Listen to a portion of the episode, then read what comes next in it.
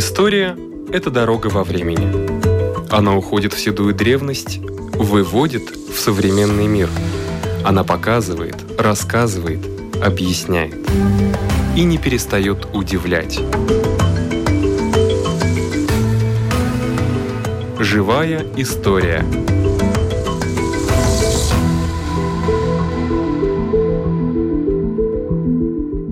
У микрофона Лидия Чера.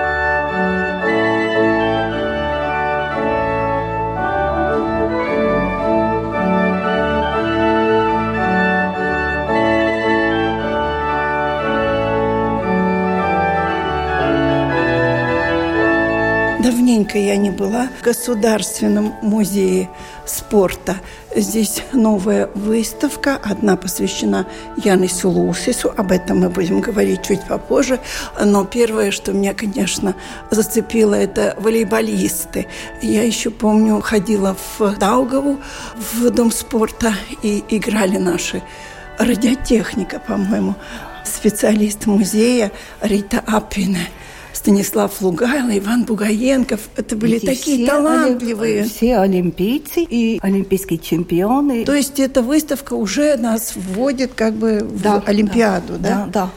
Весь первый этаж посвящен Олимпийским играм и самыми лучшими достижениями угу. с 1912 года. Павел Селиванов тоже. Да. Знакомые вот фамилии, как они молодые выглядели.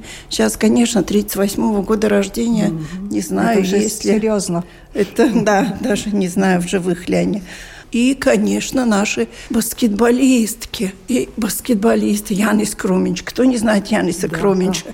Это был один из самых высоких по тем меркам. Он э, 2,16. 2,16. 16 сантиметров. Он был плохо поворотлив вообще. Ну, конечно. Такой так... крупный. Да, очень. Ну, так же, как и Ульяна Семенова. Да, да. Тоже вначале она была как-то мало поворотлива. Только получить мяч да забросить в корзину.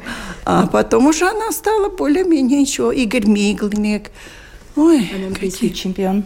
Тоже олимпийский да, чемпион. Да, да. Но он был в, составе, в Сеуле, ну, в, Сеуле да. в составе сборной Советского Союза. Советского да. Союза. Мужник Валдманис. Кубки всевозможные. Это еще первая республика Латвии. Ага. Янис Далич, это культовая фигура. Да. Ходок. Ходок, да, да, да. Ходок в русском да. смысле даже не Пер... совсем хорошее первый... имеет значение. А, ходок, ходок это да, который да, ходит налево. Это сходил прямо и очень Очень прямо. Да. До серебряного олимпийского медали на 50 Да, у него последователей очень много было. Да. И даже после войны сразу, да, да. после Второй войны. Здесь, в принципе, разные виды спорта. И да. баскетбол, и волейбол, и Велосипедный спорт. Велосипедный спорт, да. Штромберг тоже наш. Двукратный чемпион Олимпийских игр. Вот наши такие выдающиеся спортсмены. Лазденекс, это я помню. Иван Клементьев. Легенда, да. А это кто? А это пловцы. Пловцы, да. Но пловцов у нас не было олимпийских чемпионов. Есть. Янис Конрад. А, в 1942 да, году родился. Австралии, да. Он но уже он, умер, да. Да, но он на Олимпийских играх в Риме 1960 да. года. Да, да. Красавчик. Да, да. И сестра его, Йос Конрад. А, бронзовая медаль есть в Георгии Куликов. Я когда-то занималась плаванием, поэтому я всегда слежу за плаванием. Все равно как-то, наверное, бывших пловцов не бывает. Ну вот, это наша цель. Да. Это выставка посвящена Ян Слус. Потом будем говорить о нем. Да, но сейчас мы просто смотрим стенд, где он вместе с Яунземе, да? Да, Инес Яунзем тоже олимпийская э, чемпионка. Ой, какой он был студент первого курса смешной, худой. Да, да, да. Я уже помню его, когда он пытался в политике сказать свое слово. Ну, наверное, это было зря. Но, в зря, принципе... Да, да. И не только политики, но даже и в коммерческой, в хозяйственной э, деятельности. Тоже ну, ну, спортсмен, да, да, спортсмен, да, который да. привык заниматься спортом, ему трудно перейти да, в какую-то другую да, да, категории. В цивилизованных странах человек, который стал олимпийским чемпионом, он себя обеспечил обеспечил на всю жизнь. Но он обеспечил себя. Вот так мы не можем сказать, что да? он бедный жил. Нет, нет. То есть были у него? И, и во время Советского Союза он был обеспечен, и после 91-92 года тоже. Так что в этом отношении мы не можем сказать, что он в этом плане пострадал. Пострадал, да. А дети у него были? Волдемарс Лоус двухкратный участник Олимпийских игр. Ага. Тоже по метанию копья. Но уже больше не занимается. Нет, тоже. нет, нет. Это уже... Он в 2003 году да, был, да. да. Да, это соревнование в Риге. Один сын у него? Да, да, угу. у него один сын, да. И он его сам тренировал? Да.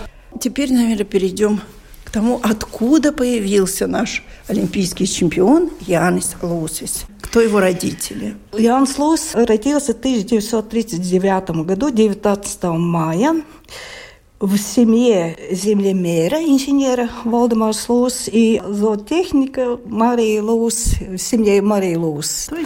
Он из деревни? Да, ну, из Стокунского волости. У него был брат Айварс, он немножко постарше, и всю свое детство он провел в погосте Маткулы, в очень красивое место у маленькой речки Имула и у городища Буссе. Первая школа у него была Маткус. Основная Мат... школа. Основная школе, да. Там он учился с 1947 до 1953 года. Но мальчик Но... он был спортивный, я так понимаю. Не столько спортивный, сколько подвижный. Подвижный, очень да, хорошо, да. да. Поэтому И... он, наверное, всюду, не только. Вообще копье пришло в самом конце, а вначале были просто для развития. Игры, игры, игры. Да, и волейбол, и баскетбол он, он, он довольно тяжело работал. И после вот этих работ дети ну, собирались, со, да. собирались, и они играли в футбол. И когда он шел в школу, по дороге. Там была вот эта речка Имула. И они состязались с мальчишками, кто смог бы перебросить бросить камень. Да. И вот здесь и началось это искусство метания. Я даже не знаю почему, но когда около реки гуляешь, всегда подхватываешь какой-то камешек, да. то ли ты его пытаешься много раз по воде пустить, то ли просто кто дальше кидать. Да. И есть, правда, такие люди, которые вот однажды просто у меня было в Лелупе знакомый подросток, как он далеко кидал камень. Для подростков это было что-то выдающееся кинуть так далеко камешек. Поэтому я и говорила, что это и есть начало искусства метания. Да. И после этого он закончил основную школу, потом он учился в Кандасской средней школе, и там он попробовал все. Баскетбол, волейбол, гимнастику, акробатику и даже поднимание тяжестей. Ага. Да? И он регулярно ехал на соревнования. И первый раз он копье взял в руки, кончая уже среднюю школу. Ну, это 17-18 лет. 18 лет, да, да. И потом его даже зачислили в сборную Латвии для юношей. Ага. И он стартовал и в 1957 году завоевал четвертое место в тройном прыжке. Но он вообще не был же высоким. Физически Нет. он был... Но Нет. есть такие высокие, тяжелые. А он нет, он же был легкий и... Очень, даже слишком легким. И это у него даже, когда он уже после средней школы закончил и вступил в Институт физкультуры и спорта, все на него смотрели косо. Ну, ну ничего, ну да, да, я, да, да. Он тогда жил в Юрмале, и по ночам грузил вагоны. И даже вот те, которые вместе потом в общежитии с ним жили после первых лет, то они смеялись. Под кровати у него стояла банка с вареньем и белый хлеб булки. Да. И это все. И вот на таком, на таком пайке он там и жил, и тренировался. Но тренировался он невероятно. Да. И даже не прошло очень много времени, и возможно, что встреча э, с Валентином Мазалитым, Ага. Тоже он очень молодой преподаватель в институте. И вот это соединение дало феноменальный результат. А это уже был тренер по метанию по, копью? По метанию копья. Но он очень хорошо выступал и в десятиборье. И даже на чемпионате Советского Союза в 1961 году он стартовал в Тбилиси и завоевал третье место по метание копья и по десятиборью. И было какое-то одно время, когда он даже не мог определиться, что он будет. Да. Но травма плечи, он уже в этой десятиборье не мог участвовать и определился, что он будет метать только копье. А это значит, у него травма была на левом плече, я так понимаю, потому что правой рукой уже он метал. Да, ну, наверное. Ну, наверное. Очень быстро, уже в 1962 году, был первые международные успехи, когда он уже выиграл международные соревнования в Польше, Советский Союз, матчевая встреча. Матчевая встреча, встреча Америки и, и, СССР? СССР и Америки, да. да. И он даже выиграл всесоюзный юношеский фестиваль и Рижский кубок тоже. В том То же году... уже победы. Да, да. В том же году, в 1962 mm-hmm. году, он в Ташкенте первый раз достиг рекорда Советского Союза. 86,04. И только 70 сантиметров не хватало до мирового рекорда. Mm-hmm. Так что он двигался феноменальной быстротой. Но работал он тоже дьявольски, не жалея ничего. Я так смотрю по этим фотографиям, у него какая-то феноменальная гибкость.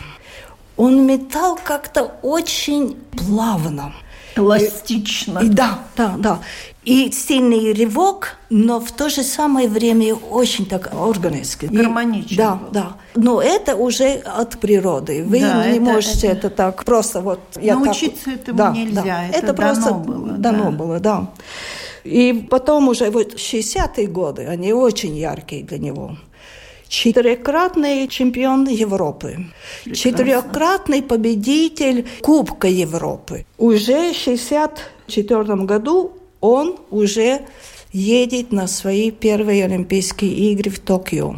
Но он там не ехал как победитель. Но все равно, несмотря на то, он выиграл бронзовую медаль, первую в своей жизни по метанию копья. И после этого он уже точно знал, что следующая Олимпиада будет его Олимпиада. И в 1968 году Мехико он в последнем броске выиграл золотую медаль. Он уже метал копье за 90 метров. Он впервые в Латвии перешагнул рубеж 80 метров да. и первые 90 метров. Но самое интересное, как он сам комментировал вот этот старт. Перед тем вот эти две попытки были очень неудачными. Ну, он бывает, подбежал, да. Остановился, подбежал, остановился. И тогда он сам, это у нас в музее рассказывал, он смотрел цель на трибуну да. в одну точку. И на этом последнем броске настолько точно определил вот эту точку, да. что и завоевал свою олимпийскую медаль. Ну, хорошо, что он не бросил на трибуну. Нет, вот это как он нацелился, да. чтобы достичь у него шанс уже почти не было. Ну, понятно. Последний бросок. Да. Он абсолютный лидер. И и мог вообще прогореть. Да, да. Я в школе помню, что нам даже был телевизор да. на четвертом этаже, и все занятия были отменены. И вы смотрели я. Олимпийские игры? Я, вот его бросок. Молодец, сумел собраться. Нашим олимпийцам сейчас так научиться. Я. Вот это очень интересно, что он очень-очень какой-то Целеустремленный? Не только целеустремленный, но и очень стабильный. Во всех соревнованиях никогда не был феноменальный результат. Да. И потом провал, провал, провал. Нет. Как нет, у нас нет. очень часто бывает, да? да? Но он на каждом старте почти на максимум. Вот это какая-то внутренняя собранность, потому что он очень много у нас здесь был на разных мероприятиях. Да. Он никогда не оставлял такого человека, что он очень устремленный. Нет, Он как будто очень так, даже немножко приземленный, не очень разговорчивый, не экспансивный. Но Интроверт. Как, да. Но когда он встал да. на дорожку, добежал до броска, до линии, тогда он абсолютно изменился.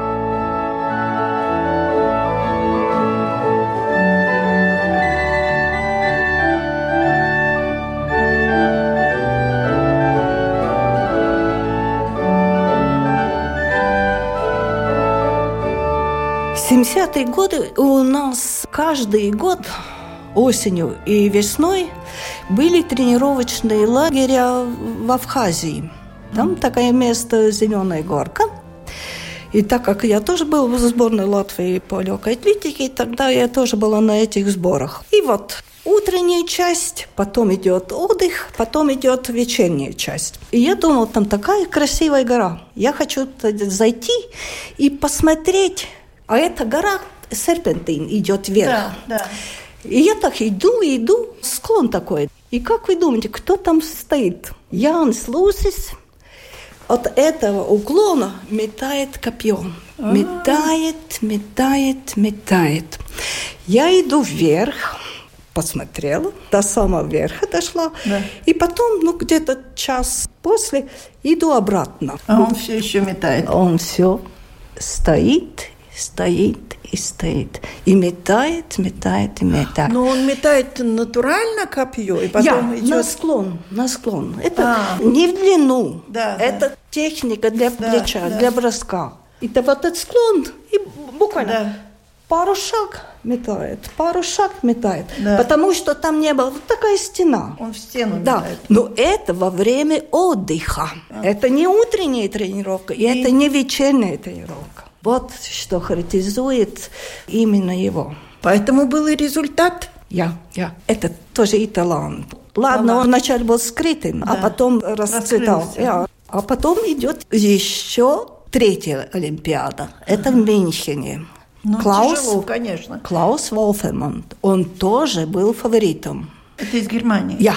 И, к великому сожалению, он уступил 2 сантиметра. Хотя там даже в фильме все немножко спорно. Для копья. Для копья 2 сантиметра. Копье уже там. Да, копье оно уже 3 нем... сантиметра. Yeah, ну, так, а копье так. оно тяжелое вообще? 80 грамм у мужчин. Ага. И тяжесть центра изменили, чтобы не было этого планирующего, чтобы это туда и туда. И вниз. И, и точно конец копья в землю. То есть там оно специально так а, сделано? Да, потому что было очень сложно определить. Планы, планы и падает, и все. Да. И, и никто не может понять. И потом да, а где часть... центр? Да, поэтому да. он И немножко так? изменили часть центра, и, и уже изменилась и немножко техника, и результаты. Он обладатель двух мировых рекордов по метанию копья. Да. Но это были на Олимпийских играх нет, или нет? Нет, нет. Эти были э, международные соревнования. Первый рекорд 90 метров 98 сантиметров. Это 1968 году. Вечер Лиго. А-а-а. Это в Финляндии были эти соревнования. А второй через 4 года, 72 год, в Стокгольме, в Королевском стадионе, уже 93-80. Ну, можно сказать, что его спортивная карьера была длинной. Да, по сравнению, как теперь, конечно, и при том очень успешная, и без срывов, без ничего, начиная с 60-е годы до 74-го. В 60-е годы как раз был очень распространен алкоголь, все отмечать, и все, наверное, он все-таки не был приверженцем и не употреблял алкоголь. Нет, нет. Насколько мы здесь, я никогда не видела, чтобы что-то вообще, даже минимально. Я даже так символично не видела, чтобы он там... Поднимал Да, бокал, бокал. да. А когда вы были с ним на сборах, тоже не было никаких нареканий, дисциплины с его стороны? Никогда. Ну, он такой идеальный человек. Очень целеустремленный. Но я скажу вам, это по секрету. Это не относится к сборной Латвии, нет. Но я была в сборной вооруженных сил. Он же тоже представлял Центральный спортклуб армии Москвы, вооруженные силы. Я тоже 6 лет была. И самые такие шустрые – это тяжелые толкания ядра, те, которые прыгали в высоту, и немножко спринтера, которые довольно, ну, не легкомысленно, но так Да, поняли, да? себе, да, позволяли себе какие-то шалости. Никогда не ходаки, ни люди на средних, длинных дистанциях этого почти никогда не делали. Потому что эти виды, тяжелые виды, да, Да. дискоболы, толкание ядра, они тренируются на эксплозии. И там немножко Как бы позволительно. я, да. ну, психологически. А если ты каждый день бегаешь 30 километров, Ну, конечно. ходишь 60 километров ходаки, Да. ну куда? Да. Куда он? Как сердце выдержит такое, Я, да. я, а вот те, которые диски метают и э, молот, они должны иметь массу. И поэтому они тоже много едят. Легкая атлетика, как бегуны. Но они не могут много есть, потому что им будет тяжело себя нести. Ну, это же там тоже раз- свои... и- и зажигает все это. Ну, сжигает, это да. Очень зажигает. А те такие, ну... Корпулентные, я- да, бывает, я- Но там и надо массу. там надо массу, Ну, надо массу и- толкнуть. И, силу, и эксплозивную силу, и технику нужно. Конечно, техника сейчас всюду. Везде, во да. главе Да, угла. да, и техника бега, кажется, ну что, встал и побежал, а там столько всего. Это одно, но Как колено поднять. нет. Все равно выбирается талантливый из природы.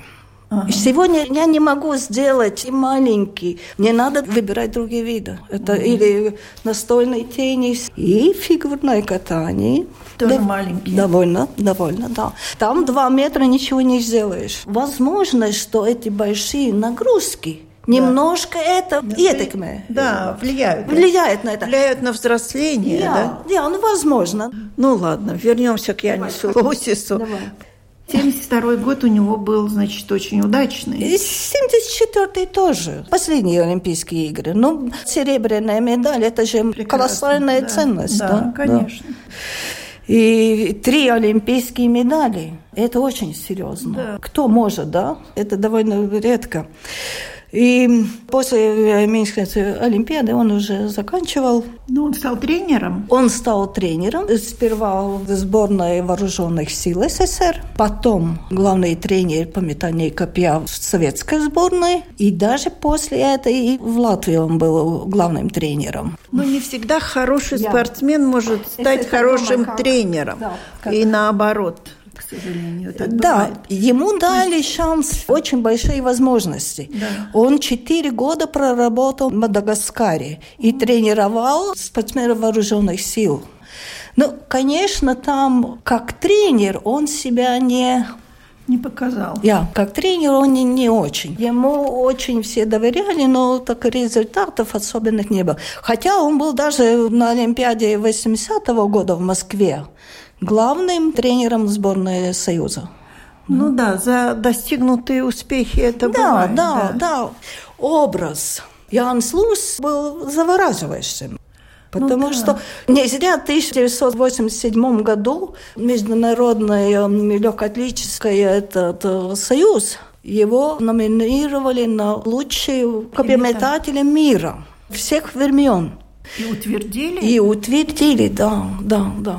Ему не было равных Да. во всех отношениях. Да, но талант ложкой не вольешь. Да, да, да. Есть, что есть, и передать он может, конечно, свою целеустремленность, свое умение, свою технику можно передать, но то же самое умение побеждать, это надо родиться. Это надо родиться, да, но, наверное, он был рожден вот для одной сферы. Для Олимпийских игр, для самых больших международных соревнований. Но когда он немножко отошел от этого, свое призвание и свое вот это место в мире, в этом отношении, он немножко как-то сник. И даже вот эти попытки заниматься коммерцией, Коммерцией, политикой. очень много политика тогда, его очень многие использовали. Он был наивен, Да, я так он, понимаю. он не был создан для этого. И новое время очень сложное после 91 -го года. И очень много он задолжал, ему не давали, он с магазином немножко хотел, и все это не получалось. Хотя он был нормально обеспечен. Да, но использовать его как символ тоже да, многие да, партии хотели да, и приглашали, особенно когда шли выборы. Ну, я тоже немножко следила и смотрела за ним, и думала, понимает ли он какую роль свадебного генерала он играет в этих выборах, в этих или других. Да. Такое наблюдение с моей стороны. Но, в принципе, он прожил хорошую жизнь, у него была семья. Но что радует, что при всем при том, когда спортсмены так активно занимаются спортом, то семью создать они просто как бы не успевают и к 40 годам оказываются, в общем-то, холостяками. Но с ним, по-моему, не так. Вот эта линия частной жизни его, это очень странная, очень есть? интересная. Он же познакомился с олимпийской чемпионкой 1960 года, когда Элвира Розолинь да. завоевала олимпийское золото. И он на этих сборах Советского Союза пригляделся. Решил приударить за да. ней. Но так, как вы не можете даже представить. Он никого не слушал. Он был настолько нацелен на Эльвире, да. что он все позывал. И она же была замужем перед тем. У него сын был. Он не отступал от него ни шагом. То есть он был уже женат? Не он, она, она была, была замужем, она была да. замужем, да ни одного шага он не, не давал. Не давал. И добился. В 1967 году они поженились. И в 1974 году родился сын Валдемарс, который тоже был капитателем и принимал участие в двух Олимпиадах. Ну, дальше 18 места он не, не дошел, продвинулся. Не продвинулся, да.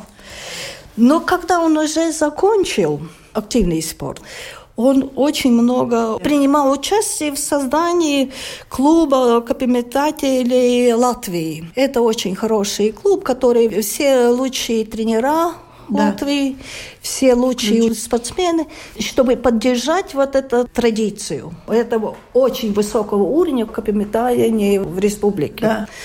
И, конечно, вначале было очень и он был как будто для международной связи. Да, да, по связям с международной да, общественностью. Да. общественностью. Так что он... Он до, был занят в этом, да. Да, да, да, и даже почти до конца своей жизни. И были же многие хорошие соревнования. Был кубок Ян Лузе, и кубок Инес Йонзем, да. тоже олимпийской чемпионки.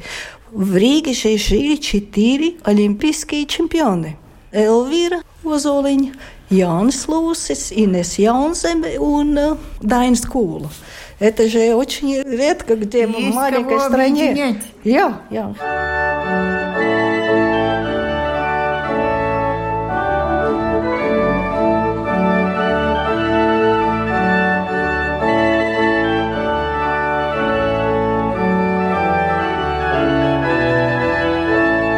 Продолжение, наверное, все-таки интересно узнать, сколько же все-таки наград было у нашего олимпийского чемпиона. Десять раз он был признан лучшим спортсменом года Латвии. 62 63 65 И так далее. И, да, и 10 раз. Да. Он был заслуженный мастер спорта Советского Союза, заслуженный тренер Советского Союза.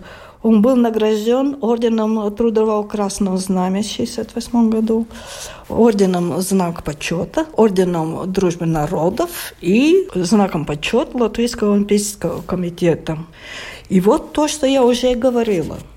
Международной легкоатлетической федерации Яниса Лусиса признали самым лучшим капитализатором во всех времен. 1987 году. И в 1999 году латвийское правительство наградило Янса Луци орденом трех звезд. Но ну, он стал кавалером ордена трех звезд. Угу.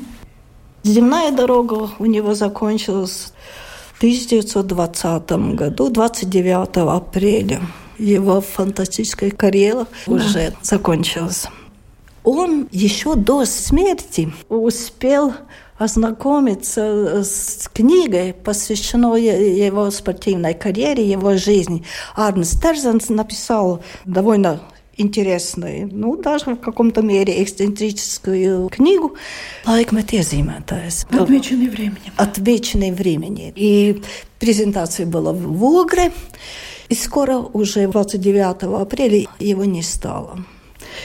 И в связи с этим 2020 года, 24 сентября, у нас в музее был вечер воспоминаний о нем. И через год 2021 года, 24 сентября, у нас здесь была э, репрезентация почтовой марки – и, и было открытие выставки. Вот эта выставка в плане теперь, когда уже построен, не в полном объеме, но частично стадион Даугавы, там вот эта наша последняя выставка будет экспонирована там. Там продолжение уже, выставки. Да, продолжение выставки и в каком-то мере создать его образ и в каких-то других формах. Ну и невозможно не посетить вот этот самый крайний зал музея первого этажа. Здесь тоже наша олимпийская команда. Последних летних э, Олимпийских, Олимпийских играх. Да. И вот эти наши молодцы, те, которые завоевали олимпийское золото, Баскетбол 3 с 3 как да, да, да, так и есть. Называется, да, да. Да, да. В абсолютно новом виде да. баскетбола, очень динамичный. И впервые мы как будто открываем вот этот новый вид, ставший олимпийскими чемпионами. И здесь тяжелая атлетика, тоже бронзовая медаль. Жаль, что здесь нет стенда с копьеметателями нашими. Нет, это последняя Олимпиада. Копьеметатели были, но, да. к великому сожалению, ничего не, не, не завоевали. Да. Да. Надо сохранить вот эту способность мечтать. Вот так, как мечтал Ян Слусис, что надо бороться до конца и идти до цели, несмотря ни на что. И вот тогда и спорт Латвии будет на высоком уровне. И уже копьеметатели будет в пике спортивной славы. Спасибо. У нашего микрофона была сотрудница Государственного музея спорта Рита Апина. На этом наша передача заканчивается. Всего вам доброго.